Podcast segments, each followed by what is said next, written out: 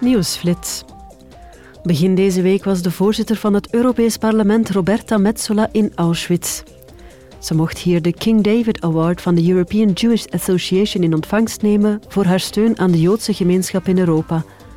In het voormalige concentratiekamp woonde voorzitter Metsola een herdenkingsceremonie bij ter ere van de slachtoffers van de Shoah en legde ze een krans bij de zogenoemde Dodenmuur. Deze week staat de energiecrisis op de agenda van de plenaire vergadering.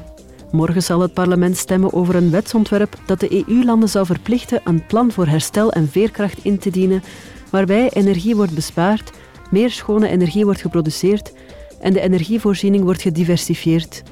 Al deze maatregelen zijn onderdeel van het Repower EU-plan. Het doel is om onafhankelijk te worden van fossiele brandstoffen uit Rusland en de groene transitie van de EU sneller te laten plaatsvinden. Gisteren presenteerde de enquêtecommissie die het gebruik van Pegasus en vergelijkbare spionagesoftware onderzoekt haar eerste resultaten.